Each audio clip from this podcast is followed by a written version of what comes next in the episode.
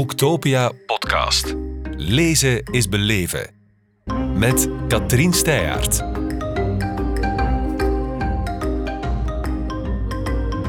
Welkom op Boektopia, Steven en Peter de Baren. Goeiedag. Naar jou Amerika en terug heet jullie boek, uitgegeven bij Pelkmans. Heel intrigerend verhaal. Voor we daar dieper op ingaan, jullie hebben dit samen geschreven, jullie zijn broers. Hoe uitdagend was het om met jullie twee een boek te schrijven? Moet ik erop antwoorden, Peter? ja, ik denk dat dat inderdaad uh, voor alle twee een beetje anders zal liggen. Ik vond het uh, zeker een uitdaging, omdat we uiteindelijk al 30 jaar gescheiden van elkaar leven. Ja, want jij bent docent geschiedenis in Vives Brugge. Ja. En Peter is econoom en werkt in University of Virginia. Dat is waar. Heel eind weg. Ja. Um, moet wel zeggen, we hebben gemerkt dat uh, juist door die gemeenschappelijke achtergrond die we hebben vanuit onze jeugd, dat we elkaar met weinig woorden toch wel snel verstaan. Dat, uh, dat geeft mij het idee dat ik dit met niemand anders had kunnen schrijven. Dat zou moeilijk geweest zijn, denk ja, ik. Ja, ja. Uh, voor, voor, mij ligt dat wel een beetje anders, omdat ik uh, heel veel eigenlijk met co-auteurs uh, publiceer. Dus dat is iets dat vrij gemakkelijk gaat. Mm -hmm. ja. En ja, wat mij wel opviel, was inderdaad wat Steven vertelt, is dat, dat je merkt, we, we, we vinden dezelfde dingen vrij grappig, vinden dezelfde dingen vrij belangrijk. En dat, dat ging eigenlijk, vond ik, vrij vlot. Ja? Ja. Um, ja. Dat is toch een fijn proces. Uh, je had uh, natuurlijk het gegeven dat we een vorm moesten kiezen voor dit boek. Het is uiteindelijk een brief geworden in de wij-vorm. En uh, we hebben daar een beetje mee moeten worstelen om die wij volmondig te omarmen. Hè? Dus ja, dat is een proces geweest. Je kan het... zeggen dat je het als lezer niet voelt. Het voelt echt als een heel eenstemmige wij. Ja. Mm -hmm. Tegelijk is het eigenlijk echt zo dat we... Um, die twee stemmen nodig hadden, of die twee personen, omdat het een transatlantisch verhaal is. En Steven hier dus in Europa is en, en ik in Amerika. En we moesten eigenlijk ook die twee uh, aspecten van het verhaal ook uh, bestuderen. Ja, en dat, dat, hey, het, het, kon niet anders dan dat we dat samen deden, vond ik eigenlijk. Ja, ja want het is inderdaad een transatlantisch verhaal. We, we moeten dat nog even meegeven. Het gaat over jullie grootmoeder, Anne Remmery, een Kortrijkse. Dus we zitten hier echt niet ver van huis. Maar wat voor iemand was zij? Voor jullie? Wel, um, ja, je hebt je persoonlijke herinneringen natuurlijk. Ja. Van, ja, zoals vele mensen een oma of een opa hebben, hebben wij ook persoonlijke herinneringen. Uh, maar je beseft uh, helaas te laat dat je haar nog zoveel had willen vragen. En uh, doordat die nalatenschap zich ons plotseling een schat aan informatie bezorgde, hebben we de puzzel kunnen leggen en hebben we beter kunnen weten wie ze was. We hadden natuurlijk een bepaald beeld. Um, ik zelf had eigenlijk een zwijg, vrij zwijgzame grootmoeder uh, gekend. Hè? Ja. Aan wie ik ook niet zelf niet veel vragen had gesteld. Uh, de vragen die je als volwassene stelt, stel je en als heel kind anders niet. natuurlijk. Ja, ja, ja. Ah, ja. Was dat voor jou ook zoiets? En, wat wel op, opviel is dat het... Dat, verhe- dat fascinerende verhaal, dat haar verhaal eigenlijk is, dat dat voor een groot stuk vergeten was. Ja, en dat, dat ja. is eigenlijk uh, Mhm. wel de, het, de, wat me meest verrast heeft. Eigenlijk, dat, dat daar zoveel was en dat wij daar eigenlijk zo weinig van wisten. En dat zij, die dus als, als meid in uh, de VS actief was, ja, eigenlijk toegang had tot uh, cirkels van uh, vrij rijke mensen en instituties. Ja, en op die manier dan ook een, een blik werpt, on, ons een blik laat werpen in wat een heel turbulente periode is. Ja. En dat ondanks de fascinatie die daarvan uitgaat, dat daar eigenlijk zo weinig van in de familiegeschiedenis van bleef hangen. Dus dan, dat was eigenlijk ook een beetje een vraag voor ons. Hoe, hoe is dat mogelijk? Uh, dat dat verleden eigenlijk ver, vergeten wordt. En wat, het boek gaat eigenlijk ook een beetje over het herinneren. Ja, en want jullie... wat je vergeet en wat je herinnert ja. en waarom. Want jullie oom, Jules, sterft op een bepaald moment. Jullie vinden daar een heleboel documenten, aantekeningen. En pas dan besef je inderdaad wat er allemaal is gebeurd, wat er allemaal geweest is. En is jullie zoektocht vertrokken. Zij is aangemeerd in Amerika in 1921. Uh, kan jij, Steven, misschien nog eens heel beknopt vertellen waar haar tocht haar dan allemaal gebracht heeft? Ja. Um, Wat jullie proberen reconstrueren in dit boek? Ja, dus om het helemaal compleet te maken, uh, zij is maar tot haar 14, 15 jaar naar school geweest en is dan beginnen werken. Ook uh, tijdens de Eerste Wereldoorlog werkte zij al als dienstmeid. En die zijn een beetje een klassieke start van iemand die eerst in haar eigen omgeving uh, gaat werken, omdat ze niet op het uh, platteland uh, in de Vlastreek wil werken en uh, ook niet in de fabriek. En dan gaat ze naar Brussel, dan gaat ze naar Parijs. Hè? Mm -hmm. En in 21 krijgt ze dan de kans via haar patroon, de familie Hennebiek, in het Kortrijkse wel bekend, krijgt ze de kans om de oversteek te maken en dan volgt ze een zeer kleurrijk parcours uh, waarin ze migreert op verschillende manieren en in verschillende milieus terechtkomt. Voor, voor ons was het ook uh, verrassend hoe ze niet bij die familie gebleven is. Hè. Dus het was geen loyaliteit naar één werkgever toe, maar ze kon zelf ook meer en meer gaan kiezen. En eerst is ze dus terechtgekomen op het Belgian Bureau, dat uh, toch wel voor de Belgen uh, in New York een zekere betekenis had. Hè. Daar, uh, daar kwamen in die tijd toch wel tienduizenden Belgen aan. Mm -hmm. En dat was een beetje de, de organisaties die zich daarover ontfermden. En in die organisatie heeft zij gewerkt, maar niet als secretares of zo. Nee, om dus als dienstmeid ja. te dienen, zoals dat gezegd ja, werd. dat wordt dan gezegd. Ze, ja. ze is gaan dienen, maar daar weet je eigenlijk niks mee. Hè? Nee, dat, dat doet ons een beetje denken aan gaan dienen bij een pastoor. Uh, er was ook een kerkje verbonden aan, uh, aan dat bureau. En um, ja, daar heeft ze dus wel uh, haar vriendenkring, denk ik, een beetje gevestigd. Mm -hmm.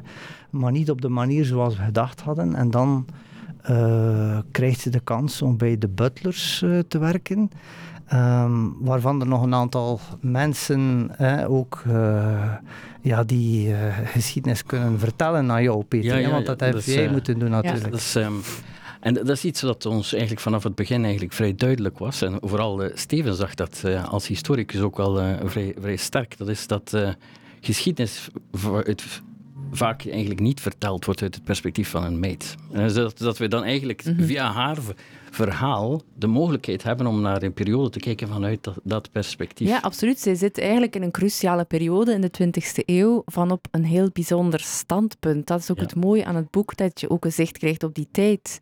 En, en dan heb je daar inderdaad... En de, daardoor is dat de verhaal ook uh, te recupereren, omdat ze dan bij die enorme rijke families eigenlijk terechtkomt. Ja, kunnen we een gevoel krijgen hoe dat leven een beetje uitzag. En dus die Butler-familie bijvoorbeeld, die had een investeringsbank in Wall Street. Dus uh, dat was een, een, een, vrij rijke familie. En uh, je ziet dat zij daar ze leeft dus wel bij die familie. Ja, en dat, dat daar ook een, ze een beetje losweekt van de Belgische uh, achtergrond. Ja. Ze gaat dan ook een, een, periode, een korte periode alleen wonen. Dus in die zin van mm -hmm. niet bij een familie. En ze leert autorijden. En ze, wat, we, wat een verrassing voor ons was. Dus ze begint ook het proces om genaturaliseerd te worden. Mm -hmm. Dus dat ze had eigenlijk, ze, het was dus mogelijk dat ze niet ging terugkomen. En dan uh, werkt ja. ze ook nog bij een, uh, uh, een, een, heel be bekend advocaat, Cromwell, van Sullivan en Cromwell. En die dus het Panama-kanaal negocieerde. Dus dat is een, een steenrijk iemand die ook in de high society eigenlijk zit. En je, je probeert dan eigenlijk zo'n klein beetje ingang te krijgen hoe zij als... Er zijn twee oude mensen, Cromwell en vrouw, zijn vrouw. Die, er is een team van zeven mensen die die twee uh, personen eigenlijk ja. ondersteunt. En ook hoe die meiden... Dus enerzijds zijn dat mensen die geen contract hebben. Eigenlijk geen goede uh, werksituatie. Nee. Anderzijds zijn ze ook uh, niet volledig hulploos. Wat je ziet is dat onze oma eigenlijk af en toe van job verandert. Dat zij uh, gelegenheden ziet om meer te verdienen, dan neemt ze die aan. Dus die... Ze uh, toch, dat toch een zekere daadkracht, hè? Ja, ja, ja. Dus dat, dat, dat, is, uh, dat spreekt eigenlijk niet... Uh, dat spreekt een beetje tegen het beeld dat we hebben van de brave oma. Ja. Het is eigenlijk een, veel meer iemand die navigeert dan gewoon dobbert op de golven van de geschiedenis. Eigenlijk. Dat, voor mij is dat een van de belangrijkste... Ja, en natuurlijk, we hebben geen geschreven documenten van haar. We hebben geen memoires. Er zijn ook nauwelijks dienstmeiden die memoires hebben gemaakt. Maar we zien bijvoorbeeld aan het fotomateriaal dat ook een belangrijke rol speelt in het boek. Ja, dat is heel mooi dat dat er allemaal in staat. best gedaan om, om die foto's tot leven te brengen, omdat we denken dat dat ook een toegang is tot haar leefwereld. Absoluut. En uh, ja, dan zien we haar daar ook met het fameuze Bob-kapsel in de jaren twintig, zonder bril. Hè. We hadden ons oma altijd met een schort in een keuken gezien, pudding aan het maken. Met een bril en, en uh, krullen in haar ja, haar. Ja. ja.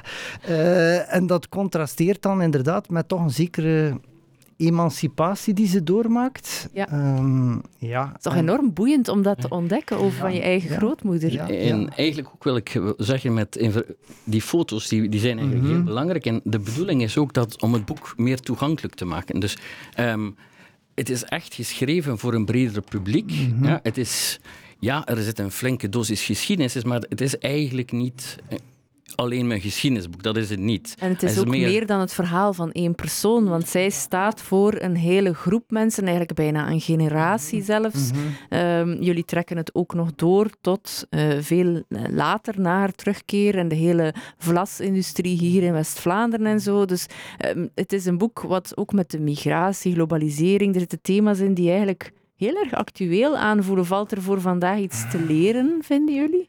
Maar ik vind dat uh, je vooral ook uh, via die combinatie van een particulier verhaal en een algemeen verhaal uh, meer voeling krijgt bij wat het betekent om te migreren, wat het betekent om je in een andere wereld te begeven. Een wereld waar je eigenlijk niet in thuis hoort, een wereld waar je even mag in inkijken. en misschien ook even aangeven dat dat het verschil is met bijvoorbeeld dat programma van Martijn Heilen, die nu over ook die, die zoektocht naar Amerika gaat, dat is eigenlijk een, waar hij naar zoekt, is meer een milieu dat gelijkaardig is aan het Vlaamse milieu. Het is te zeggen, dat gaat daar ook in de streek van Michigan over uh, boeren en over uh, fabrieksarbeiders. Uh, terwijl bij ons is die grootmoeder eigenlijk... ook ja, sociaal gaan migreren eigenlijk. Ja, voilà. Uh, en ja. um, ik denk dat dat ook wel een actuele betekenis geeft, omdat hij via die persoonlijke lijn een beter zicht krijgt hoe moeilijk het eigenlijk is uh, en hoe dat spel van afstoten en aantrekken met dat andere milieu eigenlijk gebeurt. Ik, ik zou ook willen benadrukken dat... Vooral als je, en dat is misschien uh, het oogpunt van of de het perspectief van een econoom is, dan dat dat een enorme, uh, een tijd van enorme ongelijkheid was. Ja? Ja. En die, de, de, de cijfers zijn eigenlijk dezelfde nu in de VS. Ja? Dus en die, die ongelijkheid die uh, komt dan eigenlijk bloot, wordt blootgelegd door de crisis. En dat is een beetje vergelijkbaar met mm-hmm. nu, waar na, die, uh, na de financiële crisis en de covid-crisis die ongelijkheid eigenlijk uh, blootgelegd wordt en dat zich dan um, delen van het verleden die niet volledig verteerd zijn, hè? Raciona, ra raciale spanningen, um, koloniale spanningen, dat die zich daarop enten. Hè? Ja. En dat wordt dan ook nog uh, verbonden met uh, globalisering. Dat is mijn, mijn, vakgebied. En het is jammer, en dat zie je dan, en dat zien we nu ook, dat uh, globalisering dan zo'n beetje de boeman wordt voor sociale problemen die maar niet opgelost worden. En dus en dat men alle ongelijkheid dan aan die globalisering toewijdt, terwijl daar is iedereen in de literatuur het over eens dat eigenlijk maar een, een deel van de, de schuld is. Dus dat is dan ook een andere dimensie die ik wel mm-hmm. belangrijk vind. Ja. ja, en zo zitten er inderdaad heel veel boeiende parallellen en verschillen. Het is een heel rijk boek geworden, een heel mooi monument voor jullie grootmoeder. Bedankt om dat aan ons voor te stellen, Steven en Peter de Baren. Okay. Bedankt. Boektopia podcast. Lezen is beleven. Beluister ook de andere podcasts live opgenomen op Boektopia 2022. Nu via je favoriete podcast-app.